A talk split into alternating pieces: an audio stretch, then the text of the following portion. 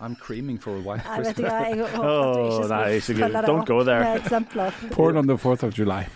okay, men jeg må nå Saving tre minutter. Behind the enemy's wives. Nå tar vi Nå begynner vi. Shaming. Shaving. Driving okay. Stacey crazy. Det er valg, valg, valg, valg, valg, valg, valg, valg, valg, og nå er det faktisk greit at det snart er over. Vi må forresten innom tissedikt, beklager det. E-postgate, beklager det òg. Og fruktnøttgate, det beklager vi i alle fall. Men nå må det bli slutt på hets og sjikane av min person. Ja, må det nå egentlig det? Ja, det må faktisk Må det det? Ja, det må faktisk det.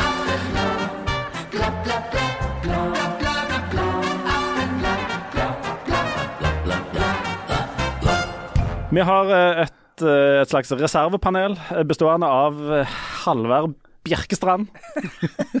Fiskeoppdretter og jazzmusiker fra Ytre Suløen jazzklubb. Frijazz. Frias. Det er frijazz, ja. Ja. Ja. Så har vi Jan Banan Heiskran, leder av Rogaland Kystfiskarlag. Hjertelig velkommen. Skip ohoi. Skiboy. Og så har vi Janne Stignes Drangsnes, dataingeniør. Og førstekandidat for lib Liberalistene i Gjesdal. Vær så god. Hjertelig velkommen. Ja. Kjempestemning. Go live them. Go, Go live them. them. them. Og bak miksepulten har vi ingen ringere enn Medieoffer og nestleder i Prygelknabeforbundet, eh, Leif Ove Lindnes. Medieoffer. Medieoffer. Du er da blitt medieoffer, ja. Fortell. Hvordan føles det? Jeg skal vi hoppe rett i medieoffer? Ja, la oss gå rett, gå rett Ta tyren ved hornene. Er det ikke bare det vi skal snakke om? Jo, det er kanskje bare det vi skal snakke om. Jeg er medieoffer på- på flere fronter. Ja.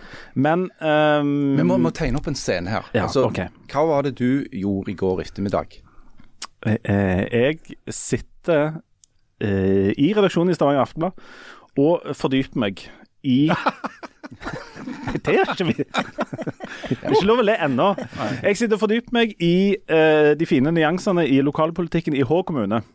Hvem er de nye folka på H-lista? Eh, hvordan er, blir det i KrF nå når de får ny mann? Og kan eh, Høyre sin, eh, sin nye eh, mektige leder i Hå kommune, som jo eh, driver både Circle K og har vært med i håndballen, kan han tegne svingen på dem? Og hva med dette her eh, flerbruksbygget? Ja. I, midt i Det er jo selve stridens eple. Så der sitter jeg og gjør min jobb eh, så samvittighetsfullt og godt jeg kan, og, og skal ringe kreti og pleti på Jæren for å høre og sette meg inn i forskjellig. Så eh, ringer der et menneske, eh, i, hyggelig menneske, fra uh, mykpornomagasinet Dagbladet. Og helsespalten Ja, ja, ikke sant? Vil du si at du reagerte med sjokk på Ja. den telefonen? Ja, og det var jo sjokk og vantro. eh, For eh, vi lurte på hva, hva vedkommende eh, egentlig ville. Eh, Og det vedkommende lurte på, var jo om En politisk analyse av den politiske situasjonen i Time kommune. Det var det jeg håpte på. Ja. Eh, at hun skulle spørre ja, vi driver òg med en sak om H-lista. Hva- Har noe innspill? Eh, men det var ikke det. Nei. Hva var det hun lurte på? Eh, det var eh, Hun ville lage en sak om at jeg hadde fått tilsendt fruktnøtt i posten og på dør. Ja, altså, Stokken altså, og- og, og, altså, du må nesten fortelle altså, Hva er greia med deg og fruktnøtt? jeg har så mange spørsmål. Mm. hva, hva er dette? Eh, skal, vi, skal vi ta det fra begynnelsen? I 2019 så skrev jeg et drøs, altså en sånn uh, rolse, det som heter en petit, eller som i dag blir hett en kronikk. Ja, I Dagbladet ble hett en kronikk. Det er interessant. Det sier jo litt om Dagbladet at det er en, en sånn rolsetekst, det blir en kronikk i dag. Ja. Det, det. Men jeg må igjen eh, understreke at dette mennesket som ringte meg, var ekstremt hyggelig. Eh, eh, eh, men jeg skrev en, en, en, en liten sånn rolsete meningsytring om at eh, fruktnøtt er djevelens verk. Ja, det er jo alle enige om. det er. Satan sjøl Ja, som står bak den sjokoladen. Og nevnte sånne, bare liste opp en del faktaopplysninger, f.eks. om at Hitler likte godt eh, fruktnøtt. Mm. Eh, folk som heier på Rosenborg spiser mye fruktnøtt. Ja. Og at det er populært i Bergen. Mm. Og Og østlendinger. og Ja. satanister og sånt. Mens ja. eksempel- Slemme satanister. Ja. Ja, ja, de gode satanistene, der er det Walters mandler. Ja, og det, ja, det må vi, ja. og det må vi si til, til alle dere snille satanister som hører på. Det er ikke dere vi snakker om, det er de onde satanistene. Det er de. Men etter det så Og, og dette, dette viste seg å dele eh, befolkningen i to, nemlig de som elsker dette makkverket, og de som hater det. Men det, det resulterte at jeg ble en slags sånn eh, talsperson for alle fornuftige folk som hater eh, fruktnøtt med en viss intensitet.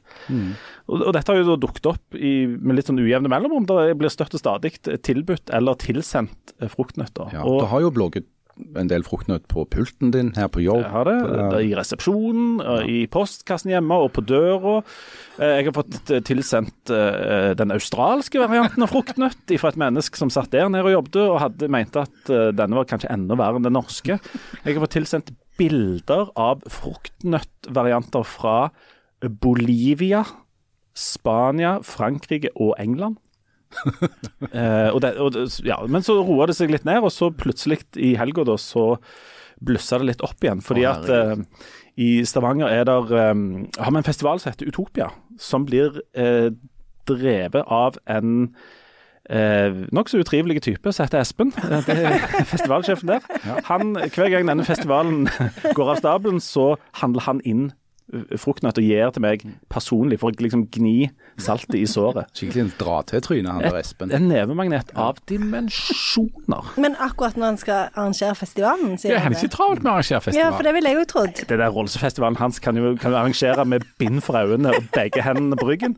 Så han bruker all sin, si tid på å skaffe en fruktnøtt som han skal overlevere personlig. Og vi har et hyggelig passiar der jeg, han leverer den, jeg prøver å drepe han, men så griper vaktene Ja. Sånn går det. Ja, ja. Og det gjorde vi i helga, ferdig med det, en slags rutine. Men når jeg eh, kom hjem, så lå der ytterligere en fruktnøtt rett forbi døra mi, der det bare sto 'takk'. Uh, og det, denne påstår da uh, Utopia, Espen, at det, det er ikke han som står bak den, for han har all- all- allerede gjort det. Så dette er noen Det er andre. andre folk i fruktnøttmiljøet. Nemlig. Så da tok jeg et bitte lite bilde av dette. Og så la jeg ut, og så sa jeg at, jeg, eh, at nå holder det. Jeg la dette ut på Twitter og på Facebook. Mm. Vanligvis gjør jeg jo ikke sånne ting, men jeg syns jo det er litt løye var det òg. La jeg det ut det.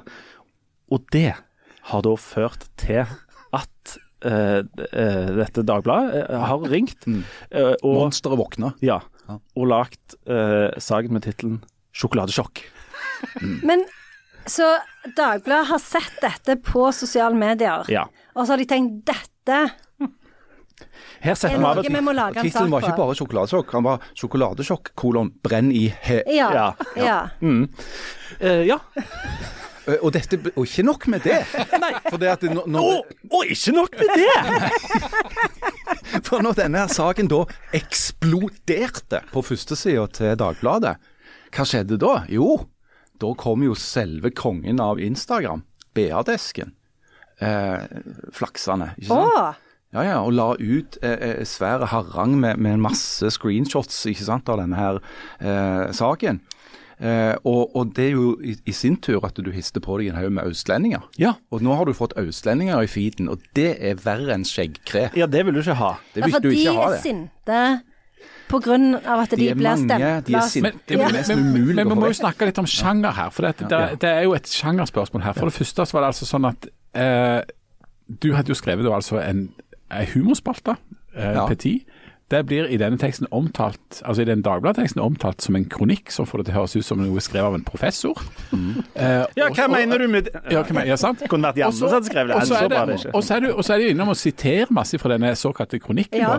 Men, men for det og, og Vi vet jo at dette var løye og, og humor og alt det greiene der. Eh, og hvis du leser den teksten, så er den på en måte løyen, den i Dagbladet, altså fordi at eh, teksten behandler du som om dette er alvorlig. Altså Det ser ut sjangermessig som det er en nyhetssak om en person som har fått et kjempeproblem med dette fruktnøtt, og som da skjeller ut eh, auslendinger og satanister, plasserer de i samme dunk. det var satanister, måte- psykopater og andre østlendinger. ja, ja, sånn var det, ja. Sant?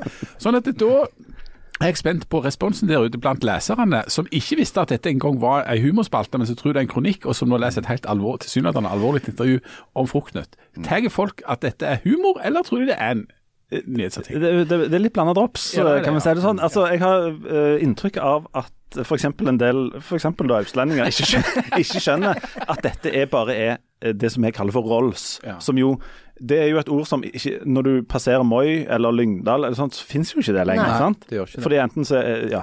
Ja. Um, så noen eh, mener jo Noen blir jo sure og sier sånn Ja, dette syns jeg blir for dumt. ja. Jeg, jeg, jeg, har sans for litt humor, jeg, men dette er ikke morsomt, ass. Og så er det eh, en, en konspirasjonsteori der ute som folk òg diskuterer litt sånn på fullt alvor.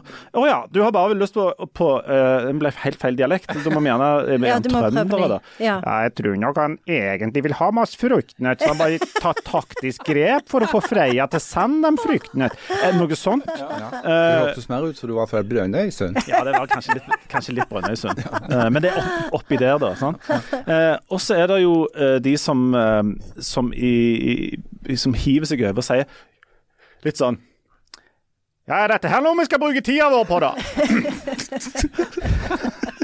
Det er jo krig i verden. altså, verden. Ja. det, det, det, dette her greiene er jo en gjenganger. sant? For Ja. det er heller ikke mange dagene siden du skrev en skal vi kalle det eh, kronikk, da, om at du hadde funnet ut en, eh, altså utkastet til den teksten som Arbeiderpartiet hadde sendt ut til alle som har unger i skolen i Stavanger. sant?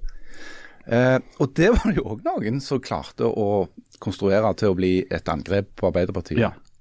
Sånn at det der med humor er kjempevanskelig, altså. For det er noen som ikke forstår det. Ja, og så er det jo, er det, jo det- er òg med humor at er noen Når noen syns det er løye, så syns de det er bra, men når noen til og med skjønner at det er humor, men ikke syns det er løye, så tar de det plutselig på, på fullt alvor. Me- Meg og Janne diskuterte dette her i bilen på vei ned her. Det der med hvor vanskelig det er for mange flere enn jeg trodde å skjønne sånne litterære sjanger, altså hva som er hva.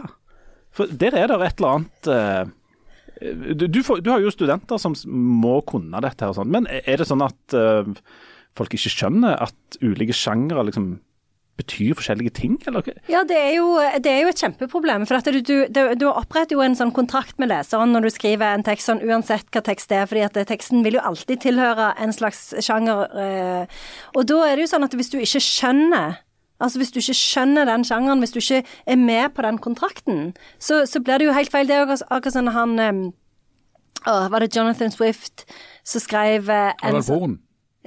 Nei, det var John. Det var Jonathan. Det var Jonathan. Var det Ja. broren? Nei, det var ikke det. Nei. Enda Swift Eh, sine. Men det var Jonathan Swift. Han var irsk, var han ikke det? Ikke hør på Jan. Ja, nei, men han, han skriver jo eh, om eh, når det er sånn eh, hungersnød i Irland, så han, eh, skriver han jo sånn Ja ja, vi får vel bare begynne å spise ungene våre, da. Og da var det jo mange som var sånn er du galen? Kan ikke spise de. Mens de som skjønte at dette var en satire, de var jo sånn herlighet, dette var liksom Denne brant skikkelig hos eh, englenderne. Så, så det, at det, det er jo et kjempeproblem hvis folk ikke skjønner sjangeren. Vi har jo snakket om det før, at folk ikke skjønner ironi lenger. Og det er jo eh, et stort problem. Ironi det var jo en sånn en sjanger som ble kjempepopulær i viktoriatida, for da var det så mye, mye angst og, og problemer, og folk var så opptatt av psykologi at det, ironien tvang seg fram som en sånn en litterær form, fordi at du trengte noen som kunne uttrykke den der følelsen av at det, det var et gap mellom det som ble sagt og det som ble meint, på en måte. Så, så eh, ja. Så, så hvis Men vi har jo en tendens til å liksom ville tolke alt bokstavelig nå i dag. Men det ble, det ble jo da en sånn dobbel latter for de som forstår humor, da. Altså de som forstår at dette er løye, og så ser du de der som aser seg opp. Eh, Da kan du le en gang til, da. Ja, for du, du, du, når folk går på, så er det jo på en måte dobbelt så løye. Og så er det det er en annen sånn eh, eh, Det er vel en slags sjanger, men bare det å drive litt sånn harselas med ting. Det òg virker s- er en komplisert øvelse, fordi at eh, det er alltid noen som skal begynne å lese masse sånn alvor inni dette. Og så skjønner jo jeg at dette blir litt sånn uh, vrient òg, hvis vi skal holde oss til det fruktnøttgreiene. Først går det. Rett før uh, jeg kom her til, så fikk jeg en ny telefon. Hvem var det som ringte denne gangen? Dagsnytt 18. Fagbladet Journalisten. Hæ, er det sant? Ja. Og ja, så nå har dette blitt en metasak Hvilken av de? Journalist. Journalisten. Nei, men altså, var det den uh, fruktnøtt, eller var det Nei, nei, nei sånn, det, eh, dette er fruktnøttgreiene. Ja, og så ja. tenkte jeg at uh, ja, jo, og, og jeg, jeg har vært i noen sånne dilemma her. For det første, når, Dagbladet ringte, så tenkte jeg jo at jeg, jeg kunne jo bare sagt nei. Altså, Mm. sant? Men, men jeg mener jo at folk er altfor selvhøytidelige, og folk må Altså, det, det er lov å bare bjude på å spille med noen ganger. Mm. Vi ber jo om det sjøl. Ja. og da, da får vi gjøre det. Absolutt. Men når da eh, Fagbladet Journalisten ringer, så tenkte jeg at eh, ja, OK, ja, nei, alle tiders, hva tenker du? Altså, min første tanke var jo sånn ja, hva syns du om at eh, liksom, eh, dette blir en sak, og, og sånt, du eh, skal jo egentlig holde på med noe annet, og så dukker dette opp. Nei da, det var bare å spinne videre på, på, på utlendinger, satanister, og, og det, om dette var ondskapsfullt og liksom eh, litt sånn eh, det britene kaller banter. Veldig, veldig, veldig rar opplevelse. Men kan jeg spørre, når du ble intervjua av Dagbladet, var det eh, intervjua journalisten deg som om dette var liksom Dette er hilarious, jeg ler meg i hæl?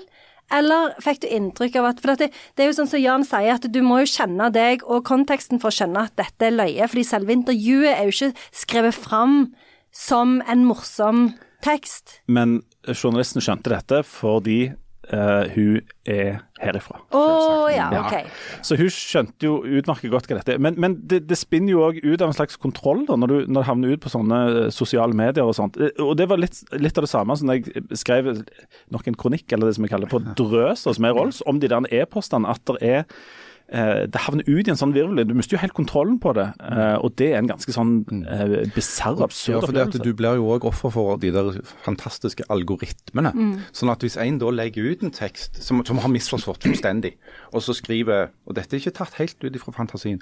Dette går virkelig ikke an. Går det an å, å, å skrive sånt om, om, om, om, om Ap? Dette er jo beviselig feil. Sånn. Så vil noen respondere på det og reagere med sånn sinte fjes, og så vil de dele den og videre til sine. sånn, Det går ikke an! Og så er det en masse folk som aldri har lest den teksten de diskuterer. De bare responderer på, re på reaksjon. De hisser seg bare opp. Og algoritmene i sosiale medier oppfordrer jo til det. Og det, som jo ville vært, den triste konsekvensen, var jo da For det tryggeste ville jo da alltid bare være å ikke holde på med dette. her. Ikke eh, teste ut av de grensene, ikke være sarkastiske, ikke være ironiske, ikke rolse Mm. i offentligheten. Da hadde du fått en mye kjedeligere og grovere offentlighet og et mye kjedeligere og grovere Da får du sånn amerikansk journalistikk der de alltid må utstyre tekster som er humoristisk meint, med en advarsel om at nå får du noe humor. Det som, gjør- som er like humoristisk og morsomt som at du forklarer vitsen til folk. Så, Ja. liksom Nå skal jeg si noe løye, og så sier du noe. Da blir det jo ikke løye. Men det gjør vi jo i Norge òg. Altså, eh, Dagens Næringsliv har jo en sånn satirespalte som er ganske tydelig merka. Satire! Og det er litt trist. Ja, på en, på en måte er det jo litt, litt trist at ikke folk eh, på en måte kjenner igjen dette. Så skjønner jeg jo at i, i sånn i avissetting så går en ut ifra at ting er liksom ordentlig og skikkelig og alvorlig hele tida. Men det er det jo ikke. Problemet, altså Utfordringen med denne saken er at det har spunnet ut i litt sånn der det kanskje til og med kan det virke litt sånn vanskelig å vite om dette er alvor eller ikke.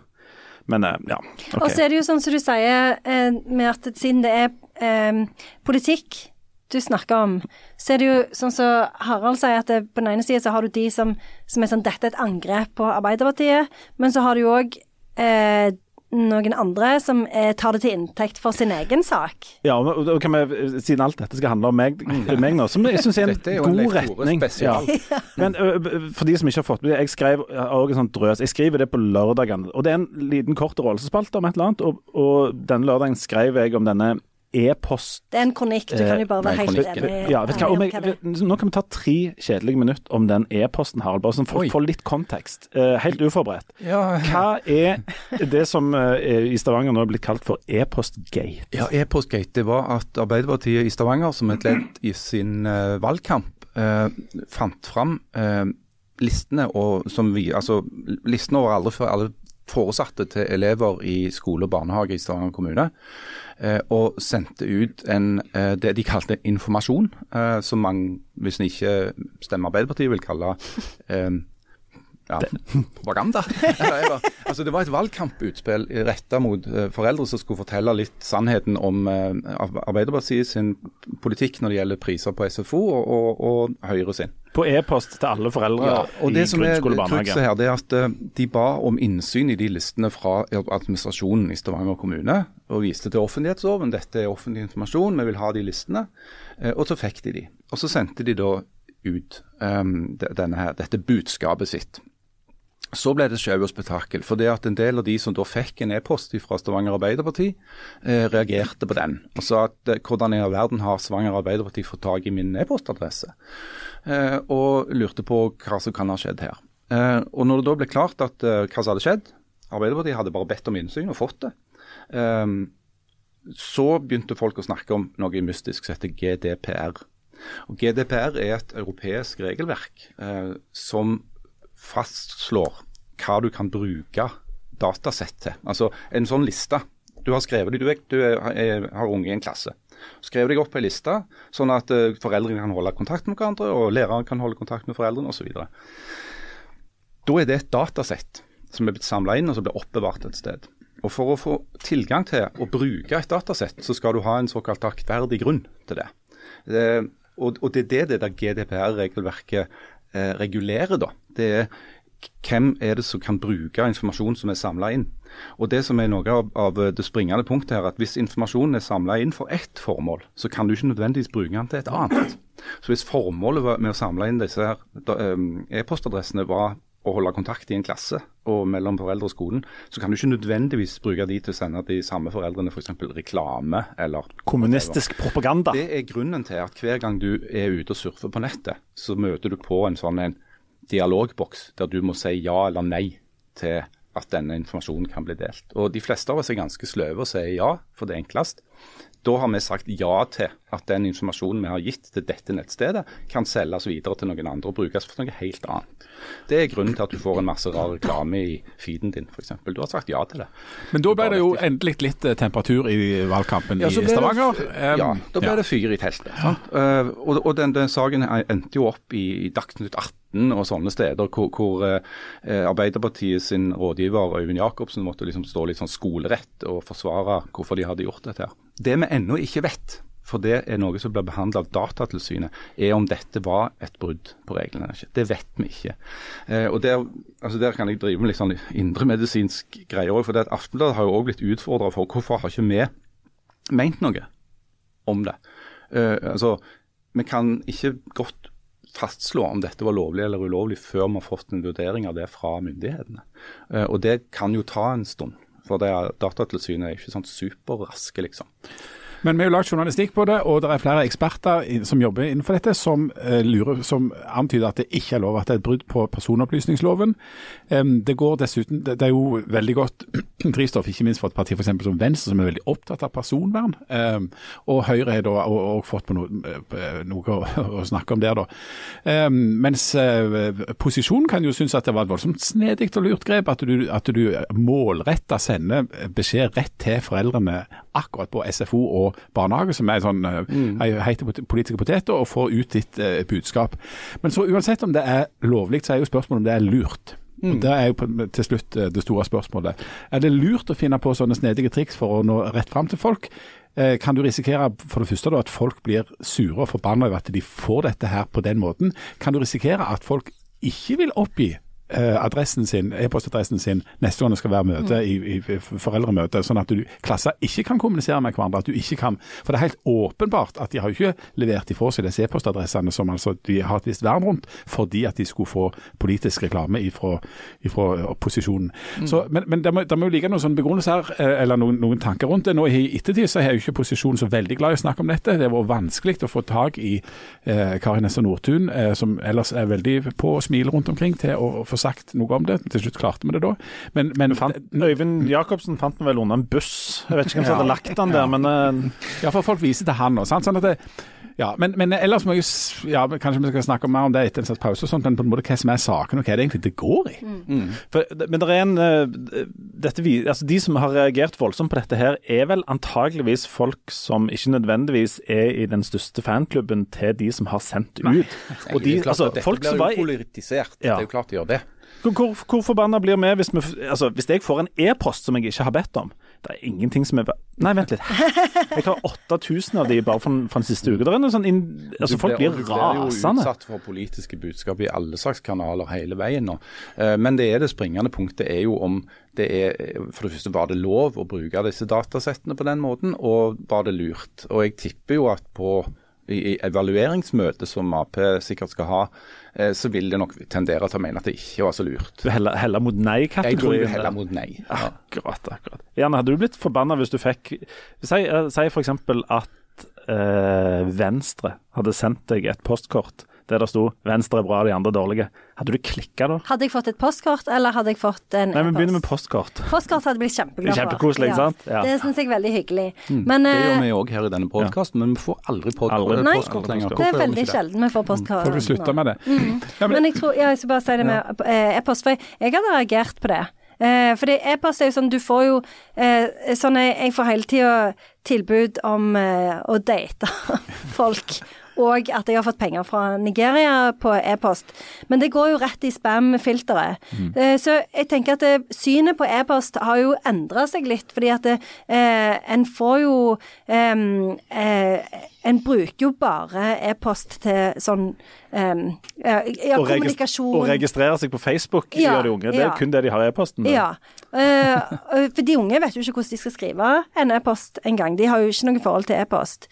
Så jeg syns at det er veldig sneaky uh, å sende en sånn en eh, e-post som det. Jeg hadde stussa, jeg hadde blitt uh, overraska, og jeg hadde øst meg opp. Hadde du og, fått sånn rykning på det ene øyet? Ja. Den hadde blitt mye verre. Jeg òg hadde reagert. Jeg blir òg sur eh, av å få altså, sånn spam-e-poster. Jeg hadde iallfall blitt sur eh, hvis jeg hadde fått dette her. Det rare er at i den fysiske postkassen min så har jeg fått brosjyrer ifra jeg tror alle de politiske partiene i Ja, I Stavanger. en og samme konvolutt? I en og samme konvolutt til og med, men, men jeg har jo fått enkeltvis. Og her en dag så møtte det opp eh, noen fra et parti som ville snakke med meg, liksom, som jeg jo høflig avviste. Men alt det som ligger i den fysiske postkassen Postkassen? Pod, Freudian. I alt det som ligger i den fysiske postkassen, reagerer jeg ikke på i det hele tatt. Enig. Der ser jeg på det som informasjon. Ja, enig. Men e-post er e-post er så nært. Det føles som det er så nært. Ja, det er som en del av deg. Ja. Nei, men pluss at jeg hadde blitt veldig Jeg kjenner at jeg blir provosert at de har tatt e-posten min fra eh, i dette hypotetiske scenarioet fra sånne klasselister. Og nå koker Ja, det. Det er det Ja. Det er det det. Ja. Og- og- og- og det- det- Ja, det er akkurat det. ja. Og hvis du da skriver en, en litt eh, tøysete liten epistel der du later som du har fått, fått tak i utkastet til den e-posten, og harselerer litt med eh, de som har sendt den ut, så kan jeg fortelle om at i dagene etter dette er blitt publisert, så får du ekstremt mange venneforespørsler fra folk i Høyre. som sender sånne smilefjes og, og to tomler opp. Og så må du bruke en del tid på, på folk i andre enden, som, um, altså de som på en måte sokner til de som har sendt ut, som sier ja, vi må tåle en spøk med òg. Men det er du nødt til å vite, det er Og da blir det veldig travelt å både gå på festival og uh, sjekke innbokser og sånt. Så don't, ikke gjør det. Det er, det er ikke helt uh, Det er ikke helt fruktnøtt, men, Men jeg syns det er så fascinerende hvordan du bare har vært on fire Ja. disse dagene. jeg òg. Hold dere fast. Dette, dette, dette er mine 50 minutes of fame. For jeg har òg vært i siste nummeret av Kvinnerklær. KK. Ja, for det prøvde jeg å finne, Ja. men jeg klarte ikke. Er det ikke Er online? det utsolgt? Ja, er det, Det er utsolgt. Det er utsolgt. Ja, men er det bare på trykk? Jeg har Det er hørt online. at mellom uh, Kragerø og Førde så er det, det er Det er helt, helt, kan, kan ikke ja. finne det. Ja. Men nok om meg, nå må vi ha en liten pause. Ja, men drivende ja, men hvordan har dere, har dere kjøpt det fysisk, dette bladet? Jeg har ikke fått den. Eller har dere lest det på nettet? Jeg bare fikk det tilsendt fra en sånn e-postliste. Da du hadde eh, skrevet på en liste i SM-forbundet, og så også- lokallaget der, er og litt så lekt til. ja. KK har søkt innsyn i, i eh, Stavanger SM. Ok, nå, Det høres ut som en, den pausen kommer f.eks. omtrent akkurat nå.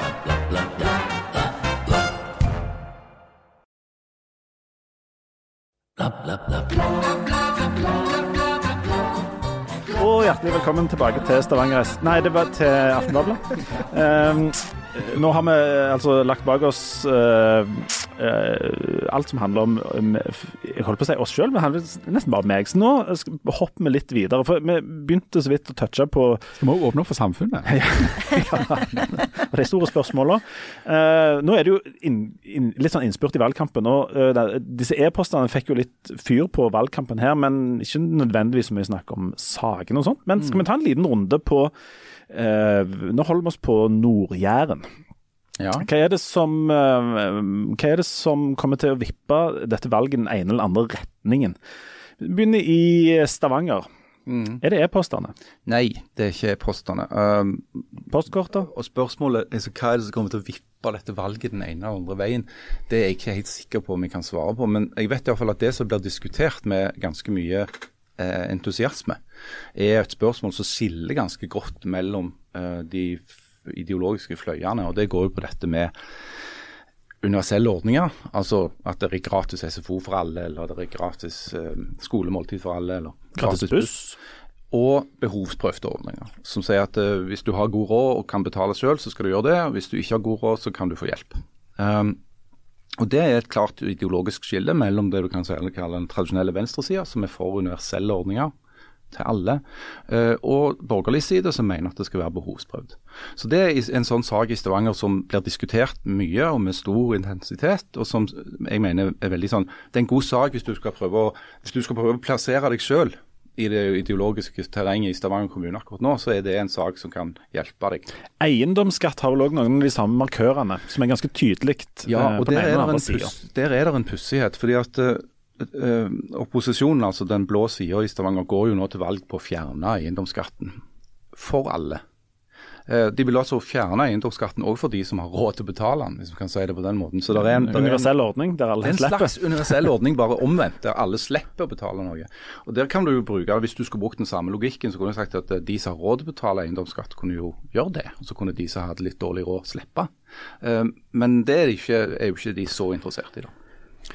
Jeg, på, altså jeg har prøvd å tenke på hva er det som er de store sakene. Jeg har litt sånn problem med å identifisere det, egentlig. Jeg klarer ikke helt bli klok på hva som er de store sakene. Men jeg er enig med Harald i at eh, der det der ideologiske skillet da på universelt eh, versus eh, behovsprøvd, altså det, kollektivtransport, SFO, barnehage, eh, varmt skolemat. Og så lurer jeg på, hvem er det som har initiativet der, og hvem er det som må svare på hva for noe? Og da og Hvis du i tillegg legger på byutvikling og nå det som har blitt litt, i hvert fall litt sak, nemlig eh, hvordan Paradis, altså en bydel i Stavanger, skal bygges ut, og hvem som skal ta initiativet der, så lurer jeg på om det er på en måte venstresida, altså posisjonen, som på et vis har et slags initiativ. At opposisjonen sin rolle, altså Høyre og Frp sin rolle, er å svare på det som venstresida har definert, altså sier at ja, det skal være gratis, det skal være uh, ditt og datt. Og så, må, og så blir høyresida sin, uh, sin rolle å si eh, nei, det skal, det skal ikke være helt gratis, men vi skal ha noe, og så må de forklare med noen timer og et eller annet sånt. Der. Men at de blir drevet litt rundt i manesjen der. En annen sak som er en slags sak, er at det er veldig personfokusert i Stavanger. At det er veldig sånn Kari mot et eller annet. Og der må på en måte høyresida altså, så, så jeg, jeg jeg er ikke sikker på om jeg har sett liksom hva som er initiativet fra høyresida på hva som er saken her. Det interessante er jo at venstresida kommer til å tape. Altså, De har kanskje initiativet å definere hva som er sakene, og de kommer til å tape. Er det, er ikke det òg et tegn på at uh, de som har sittet i den fireårsperioden, om, en er enige eller uenige med de, har fått flytta, eller gjort en del ting og fått flytta en del sånne steiner, sånn at det i alle fall er noe å diskutere. Det er ikke bare, de har ikke bare hatt en sånn fireårig administrasjonsperiode. Nei, altså det du kan si er at dagens posisjon med de seks partiene som samarbeider, de har jo gjort en god del. Uh, og som Jan ganske riktig påpeker, når du har innført ting, så blir det på en måte opposisjonen sin sure oppgave det, og da å være mot det eventuelt. Og, og si at nei, nå skal dere ikke få det lenger. Eh, så, så det er en sånn sak eh, som, som, som sånn rent sånn valgtaktisk har vært ganske smart å lansere disse tingene. Selv om noen sa at kanskje gratis buss kom litt tidlig til å være et effektivt valgkamputspill, for at folk har hatt hele våren og sommeren til å tenke på gratis buss, så er det nå der. ikke sant? Eh, og, det, og det er jo noen som, som nå lurer på ja, skal, skal ikke de fortsette med det? For det at de er veldig fornøyd med gratis buss. Skal de ta det vekk nå? Sant? Så Da blir det eventuelt uh, Sissel uh, Knutsen Hegdal sin jobb å si nei, nå skal vi ikke få det lenger. En, en annen sak som skiller ganske godt, som jeg kom på, det er jo dette med synet på privat, privat når det gjelder helse og omsorg. Eh, hvor høyresida ønsker å åpne opp for mer eh, Sjørøvere, eller ja, Jeg vet ikke hvor de sjørøverne har de en plass i Nei, Hvis de i vil åpne et gamlehjem, sjørøverne, så kan jo de oh, ja, sånn, ja. ja. være der. Ja, ja, absolutt. Eh, men at du, det, og det er jo noe som skiller ganske godt ideologisk. Altså Vil du eh, tillate private kommersielle å drive eh, sykehjem, f.eks., eller vil du ikke det? Uh, og det, og det, det er òg noe som, som diskuteres ganske heftig. Og så kjører vi henover lite grann, og så kommer vi over kommunegrensa, så er det mye- plutselig litt vanskeligere å få øye på den, der- den, liksom, de der klare ideologiske skillene. I Sandnes, ja. I. Sandnes er det vel eh, blitt litt sånn spørsmål om en skal en fortsette som før, eller skal en prøve et eller annet nytt? Ja, jeg tror òg det. Fordi, men jeg skjønner ikke helt i Stavanger heller, så jeg bare Jeg syns det er vanskelig å forstå, fordi sånn som de som dere snakker om, det er jo ideologiske skillelinjer. Ja, det er jo det som skiller Høyre og, Arbeiderpartiet, da. Så, men da skjønner ikke jeg at det Altså, da er det lokalpolitikk, da, eller er det bare mer sånn jeg identifiserer meg som Høyre-velger, så jeg vil Altså, hva, jeg skjønner ikke hvorfor folk men- skulle Nei, men Si litt om hvordan det føles når du, du skal jo avgi din stemme i Sandnes. Eh, og når du ser på Sandnes-politikken, så er den litt mer sånn OK, der har du tre partier som alle prøver å få ordførerkjede. Eh, I dag samarbeider Frp og Ap. Og hvor blir det da av ideologien?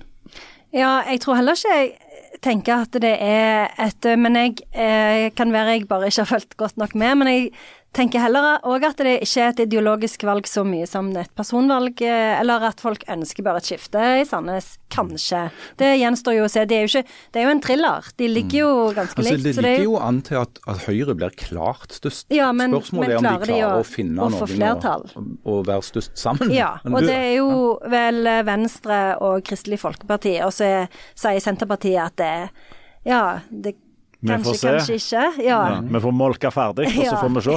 Eh, Men det er jo klassisk Senterparti. De ønsker jo å være mystiske helt fram til å, å få mest mulig ut. De vil være på lag med de som vinner, og æreverdig for det. Ikke sant? Hvem vil ikke det? Når, når jeg har drevet og eh, mellom alle mine samtaler med, med Dagbladet og Fagbladet-journalisten, og drevet og uh, reist litt utover Jæren og snakket med veldig mye folk på Jæren. Altså gått ifra liksom, en veldig stor kommune her til litt, litt mindre kommuner utover. Jo, jo, altså det som alle sier etter hvert er jo at eh, ja, hos oss er det jo ikke de sterke eh, ideologiske skillelinjene. Det handler mer om å finne gode løsninger. og, og jeg kan godt jobbe i lag med han, han selv om det, det er et helt annet parti, og vi er i utgangspunktet nokså uenige.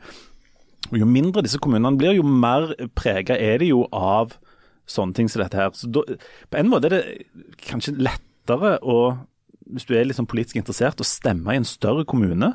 Eller er det lettere å gjøre det i en kommune der det er to ordførerkandidater som alle kjenner?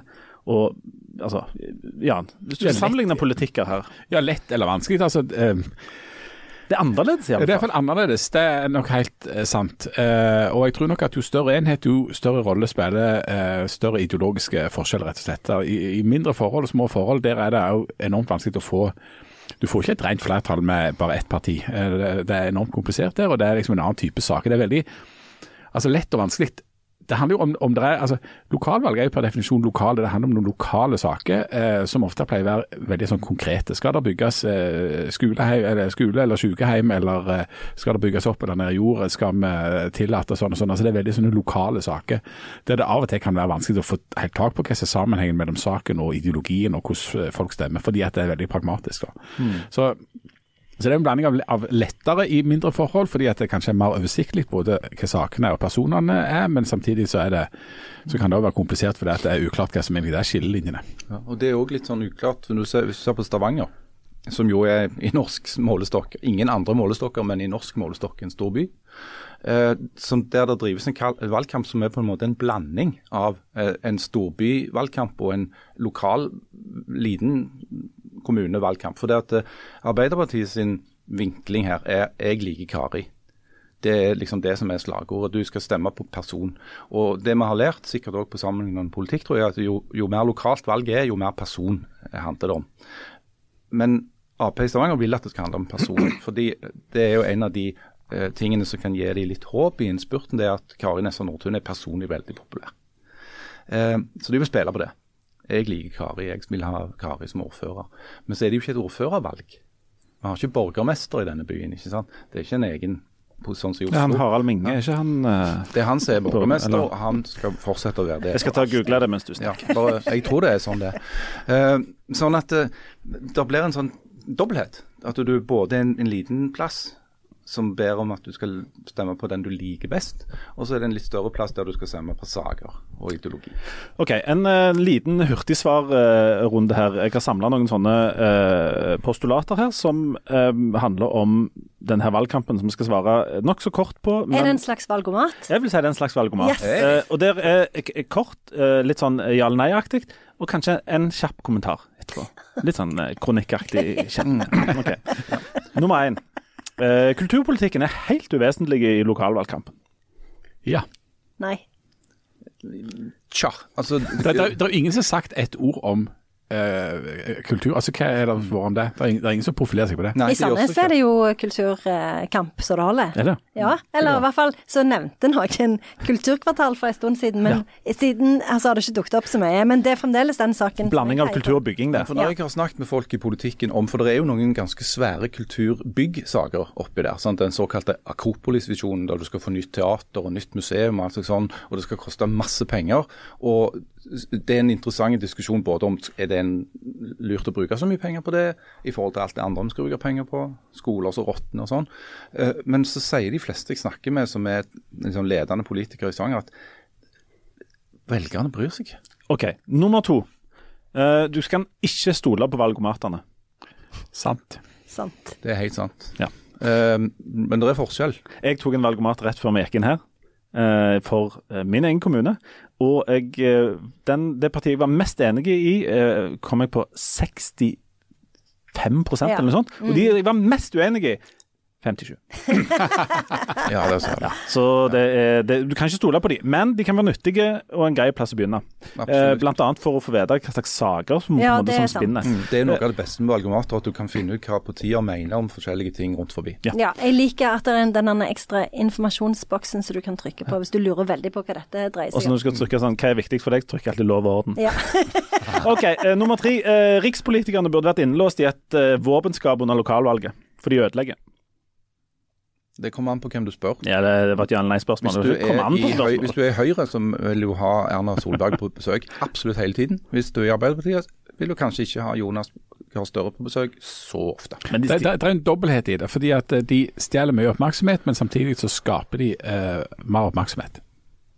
Altså om valget. Altså, De er bjellesauer. Ja, hvis det kun var uh, Skrettingland og Bjelland og, og hvem det var, så er det, så er det ikke så mye glamour. Hvis Jonas hadde surfa på en medgangsbølge, Gahr Støre Ja, okay. for tida, og vært superpopulær og hadde rekordmålinger, så ville han ha vært rundt forbi land og strand rundt hele tiden, akkurat som Erna Solberg er nå. Eh, nummer fire. eh, det er lommeboka som kommer til å vippe de usikre velgerne dette valget. Ja. Ja, det tror jeg det er en del som vil gjøre, ja. Det var bare en lang måte å si ja på det. Ja. Ja, altså mitt synspunkt på dette er Da havner jeg mellom eh, Altså, jeg helner OK. Jo, men jeg eh, det, ja. det, Ja, skal du si det enda lenger? Nei, det var et, det var et, jeg synes det var et godt spørsmål. Det var det. For det at den der lommeboka tror jeg kommer til å bety mer nå enn f.eks. For, for fire år siden. Ja. uansett hvem som vinner dette valget, kommer 90% til å være helt likt om to år. Jepp. Ja. Ja.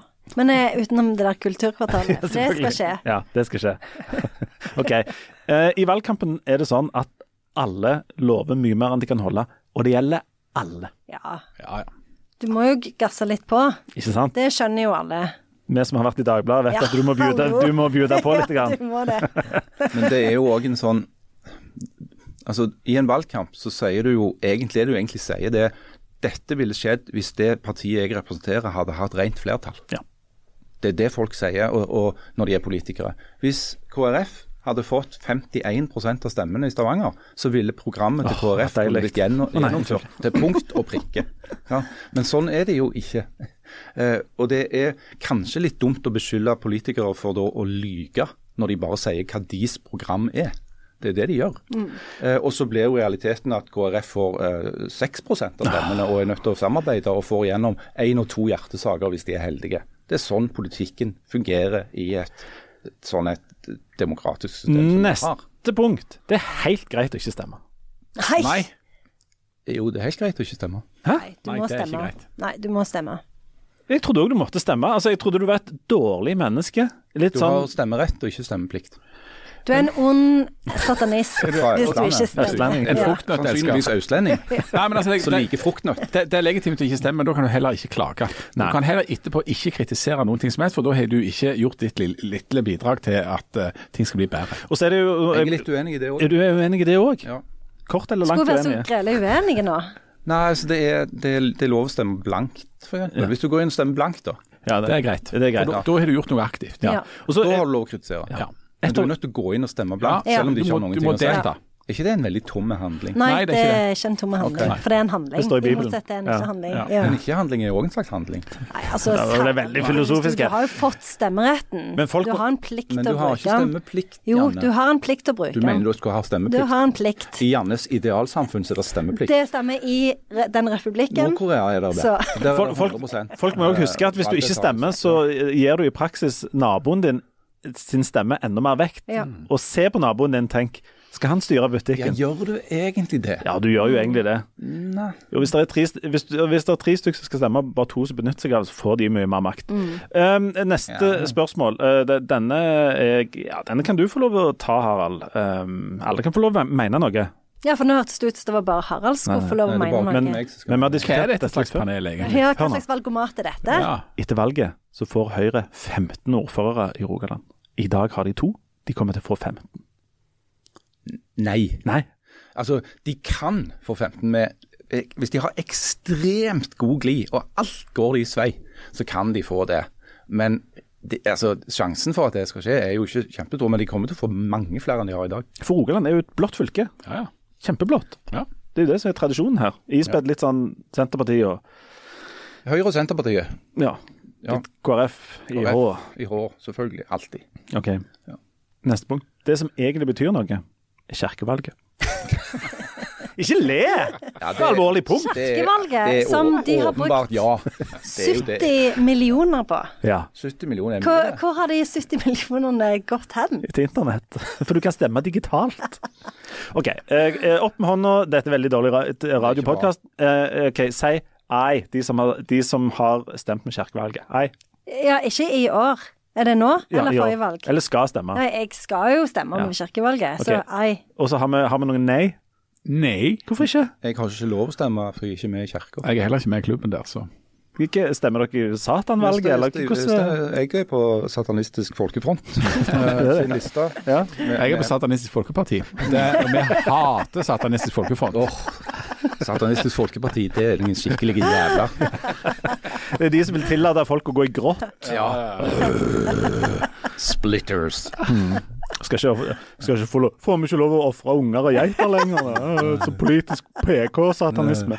Ok. Eh, siste. Eh, lokaldemokrati er eh, den vakreste oppfinnelsen i verden. Den, unnskyld, den femt vakreste oppfinnelsen etter skip intro-knappen på TV, Ja. oppvaskmaskin, pommes frites og Google Maps. Nummer fem er lokaldemokrati. Er du dere enige i lista? Okay. Pommes frites og Google Maps Nei, altså, og skip intro-knappen Ja, på er serier, det er jo den Ja. beste i hele verden. Ja. Ja, Nummer to mener jeg er oppvaskmaskin, for meg handler en liten periode uten oppvaskmaskin. Ja. Nummer tre pommes frites. Og så nummer fire Google Maps. Jeg er uenig. Det Jeg er fire mener, bra ting, da. jeg mener at uh, lokaldemokratiet skal innføre pommes frites, som det heter. Men hvor er Spotify og TV? Det er for generelt. Ja, det ligger jo på en måte underforstått når du har skip-intro.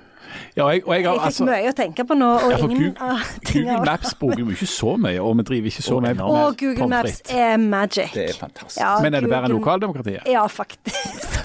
Hvis, du, er jeg måtte velge mellom demokrati og Google Maps, så hadde jeg jo valgt Google Jeg Maps. vil si sånn, jeg, jeg eh, måtte kjøre til Rauland på søndag, og jeg klarer meg uten lokaldemokrati, men uten Google Maps så hadde jeg sannsynligvis havna i f.eks.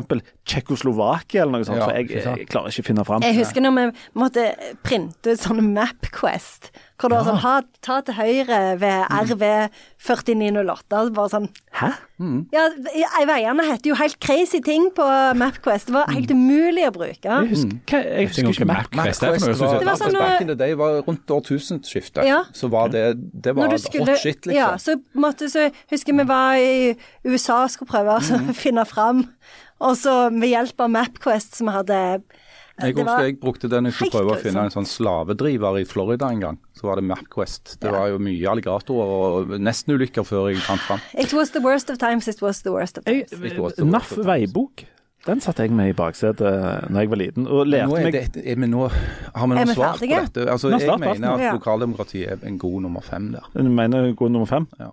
Hvis vi bytter ut Google Maps med NAF veibok, er du fremdeles i Nei, da ville Jeg tror- lokaldemokratiet bedre enn NAF veibok, men dårligere enn Google. Maps. Jeg tror NAF veibok har ført til veldig mange skilsmisser. For det, var alltid uh, kona som skulle lese NAF veibok, og så var det alltid Ja, men du må si før han skulle ha svingt!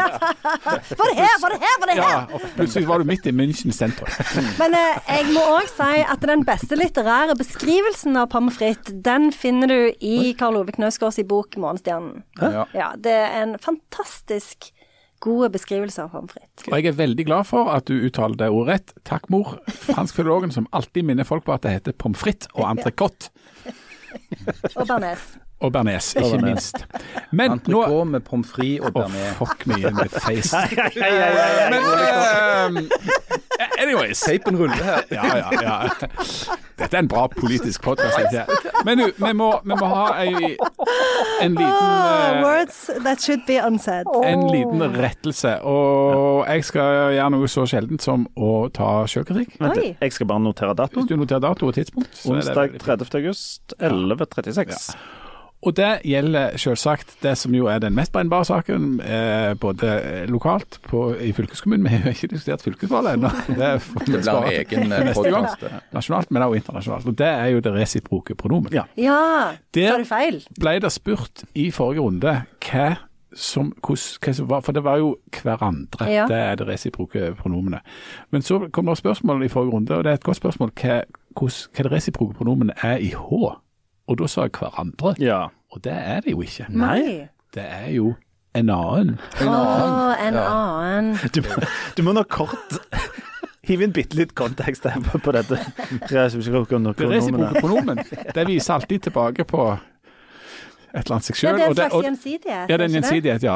Og, så, og Derfor er det alltid flertall, og det er bare ett ord. Det er altså da hverandre på eh, dansk og riksmålsk, hverandre på nynorsk, men i H er det en annen. En annen. De var glad i en annen, de! Ja. Men uh, ja, Ja, men om en annen. Nei, ikke om en annen, men en annen. Eh, veldig, veldig bra og veldig sterk. Uh, jeg vil gi deg terningkast fem på selvkritikken. Ja, jeg også. Særlig fordi at du tok initiativet sjøl. Så åpna jo vi òg sist ei annen dør som jeg i etterkant tenkte Burde eh, hatt forblitt burde, gjort- burde den vært lukka?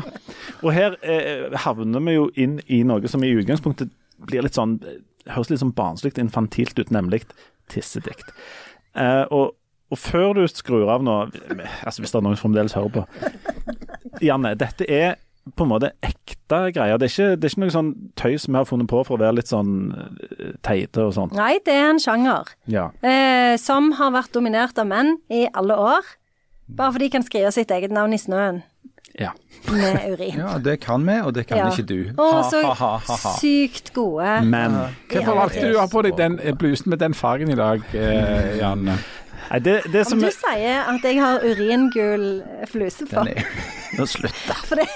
den er ikke uringul. Han er kjempefin. Men vi høres Den ser ut som noe du kunne skrevet noe i snøen. Du har alltid fine klær, du, Janne. Okay. Hør nå etter. Forrige uke så sa vi at de, de, de, dette er ikke en sjanger der kvinnene har liksom eh, levert noe særlig. Så vi, den døra vi åpna, var å si at hvis du har hvis du sitter på et sånt et dikt Bokstavelig talt. Så, ja, så send det til oss. For vi sa at Joe Chapcott har skrevet et dikt som heter 'Piss Flower', Ja. for å åpne denne døra for kvinner òg. Mm. Og nå har vi jo fått et dikt av Signhild Stave. Ja. Vi har også, jeg har òg fått et annet dikt fra Tale. Ja, og det ligger, hvis du, Den ligger, det ligger også, skal Ja. vi lese begge to? Jeg, jeg tror du skal lese begge to, og så Ja. må du si noe om disse diktene. Jeg bare ser allerede at dette er et helt fantastisk fint dikt. Mm. Skal jeg lese det? Ja, du må si, Gjør du sånn andekdikt og si sånn urindikt av Urindikt nummer én av Signhild Stave. Knudaheio. Paradistilstanden på huk blant busk og tre. Behovet har sprengt seg fram, renn gult mot svart moll. Du blir fri. Og sakte, sakte innser du at åstaden er et brenneneslekratt. Og det er jo òg Det er en veldig sånn spesifikk opplevelse for kvinner, tenker jeg. Fordi menn står, kvinner må sitte. Eh, og det er jo òg sånn altså For det, det med tissing kan jo være veldig ekskluderende. Det er jo den der serien med kvinner i militæret òg. Mm. Så når menn skal stille seg opp og så tisse, så bare står de på ei linje, og så sammenligner de hvem som kan tisse lengst, og så blir det en sånn bromance og male bonding experience. Mm. Og så har du jentene. De må liksom av med hele den uniformen, for den er jo ikke lagd til for at kvinner skal kunne tisse. Så de må liksom av med hele greia, og så finne et sånn brenneslekratt hvor de kan sitte Mm. alene og tisse. Så mm. det vil jeg I, I feel your pain. Dette Ja. er jo de store sakene i vår tid. Det er Ja, eh, feil, Er du ironisk nå? Det var, Du sier sier at jeg har uringule skjorter, og så Jeg begynte jo veldig vennligsinna med deg. Men du Ja, har du gjorde det. Jeg visste at det var et bakholdsangrep. du det? Dette er fra Tale. Ja. Uh, dette er et litt lengre dikt, og nå tissedikt nummer to. En gang tissa jeg. Tissedikt fra ei kvinne. Det er tittelen. En gang tissa jeg bak busken i bygda. Midt i sentrum, og det er ikke lov. Jeg venta på bussen som skulle ta meg over fjellet. Alle do var stengte. Bensinstasjonen, kebaben, hotellet. En gang tissa jeg ut vinduet i hagen. Jeg var et barn, og barn gjør rare ting, så det er ikke så mye å skryte av. Jeg tissa aldri ved kongen sitt rosa hus, i byen. Som russejenta, hun som sprang ut av toget midt i nasjonalkrampa, tissa lett på huk i gresset. Så tissetrengt har jeg aldri vært. Altså, det er så nydelig. Det er Jeg bare Jeg blir rørt av disse tissediktene. Så rørt at du har tatt på deg den blusen i dag. Men du, eh, Hva er problemet ditt, Jan Zahl? spørsmål. Jeg, vil- Tenk, det, tenk eh, Clinton. When they go low, you go high. Ja. Eller Obama, da. ja, Som vi også som du vel Eller, ja, det var det, ja. Obama. var Men kan vi ta noe altså For det som er, eh, Jeg syns det var veldig flotte dikt, dette men det som vi nå kan konkludere med etter å ha hørt alle disse tissediktene, er at det er ingen dame Alle to? som Ah, Ja, men det er de vi har. Ja. Uh, det er ingen jente som tisser inne f.eks. på et do. Alt tissing foregår. Dikt og handel, denne sjangeren handler om Det handler ikke om utendørs. Ja, det gjør det.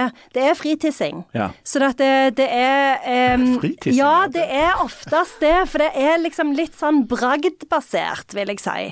Altså, det er jo um, et slags sånn skrytedikt. Det har jo litt med potens å gjøre. Om du liksom Klarer du å få til ei skikkelig stråle? Klarer du å tisse langt? Klarer du å tisse så lenge at du kan skrive hele navnet ditt i snøen? Sant? Det er alle de Det er liksom em, alle de tingene som gjør at du er litt stolt av Diego Tissing. Det er det som er på en måte nøkkelen til disse diktene. Og det er jo derfor, for kvinner, sant? litt sånn nedverdigende på en måte å måtte sette deg ned. Du kan ikke styre urinen, liksom. Og, og om du klarer å lage ei sterk stråle, så spruter det jo bare overalt, sant. Så det er at det kommer kvinne, tissedikt fra kvinner. Å, det gjør meg så stolt og så rørt og så glad. Jeg, jeg hadde tenkt å spørre et tøysete spørsmål da, om du føler du får brukt profre, professoratet ditt riktig der, men jeg tror faktisk du gjør det. Ja, dette er jo maks Ja, eh, Endelig kom språkforskeren fram. Ja. Ja. Nei, Nei, nei, ikke det. fordi jeg forsker på fuckings litteratur. Og nå går jeg hjem. Ja. Nå må vi alle gå hjem. Er, er dere ferdige med å stemme? Har dere stemt? Nei. Nei, fordi at det er jo Jeg syns at det er veldig fint å stemme på Ja. Og ta på meg denne fine skjorta, kanskje. Og eh, lage Eller ikke jeg, da, men mannen min. Lage kake. Litt god mat. Eh, feire. Så dere markerer valgdagen? Ja, vi gjør det. Tøft. Men nå er det, når jeg sjekket før jeg gikk ned, eh, 22 000 som har stemt i Stavanger. Der finnes ca. 100 000 stemmeberettigede. Hvis det er 60 000-70 000 som stemmer til slutt, så er vel En tredjedel. En tredjedel av de som skulle stemme, her, allerede stemt. Var, jeg leste en plass at eh, Stavanger var på tredjeplass, etter Fedje og Bærum. Ja. Ja. Ikke dårlig. Antall forhåndsstemmer. ja. Det er strålende. Skal, ja, strålende. Ja. ikke. Eh, an- en, Er ikke denne podkasten slutt? jo, en, en, en anbefaling. Ja, en anbefaling. Ja, for dette, eh, I helga så eh, ble eh, Tor Enberg sin nye roman 'Lungeflyteprøven' sluppen, og voldsomt mye sånne terningkast seks rundt omkring. Jeg eh, intervjuet han, og i den anledning så måtte jeg lese denne tjukke boka i sommer. Og Det er en greit god bok. Ja, var det, ja. Ja, det var, den, er, den kan jeg anbefale på det varmeste. Det er veldig eh, rart og uventa fra Unge Renberg at han plutselig skriver historisk roman fra Saksen i Tyskland på 1680-tallet, men det er fascinerende greier. Ja, jeg òg kan anbefale ei bok, fordi det er ei bok som jeg leste for lenge siden, men som nå har kommet i norsk oversettelse. Eh, og det er sjølbiografien til Hilary Mantel, Harald sin favoritt. Eh, eh, den er helt sykt bra, og oversettelsen òg er veldig, veldig bra. Så den er 'Skygger av liv du kunne ha levd', heter den på norsk. Jeg har også en anbefaling som òg handler om Harald. og Det er å eh, se på Instagrammen vår, eh, for der skal vi legge ut eh, bilder av når Harald danser til scootermusikk. Ja! Ja da. Det Hva skjer med tar skuter jeg for sterk avstand fra, for det, er- det noen som fikk tak i eh, Eller har sendt et opptak fra, fra den konserten jeg var på i, i sommer. Og Vi skal nå legge det rett ut. det egentlig fotoforbud. jeg har ingen anbefalinger. Nei. Nei. Jeg vil ikke Eh, anbefale noen ting. Nei, ikke sant. Ingen verdens ting vil du anbefale. Ting. Ikke gjøre noe, ikke se noe, Ikke ikke noe, hold deg helt ikke se noe, ikke les noe. OK, Bare Sitt helt i ro. Og vent på at tida Og går. ja. en slags anbefaling det òg. Tusen takk Har for ikke du noe å anbefale heller? Jeg anbefalte det klippet Ja, du anbefalte Ja, ja. det, ja. Nei, Det skulle han ikke gjort. Det blir lagt ut. All right. snakkes. Hasta Ha det. luego. Hasta la vista.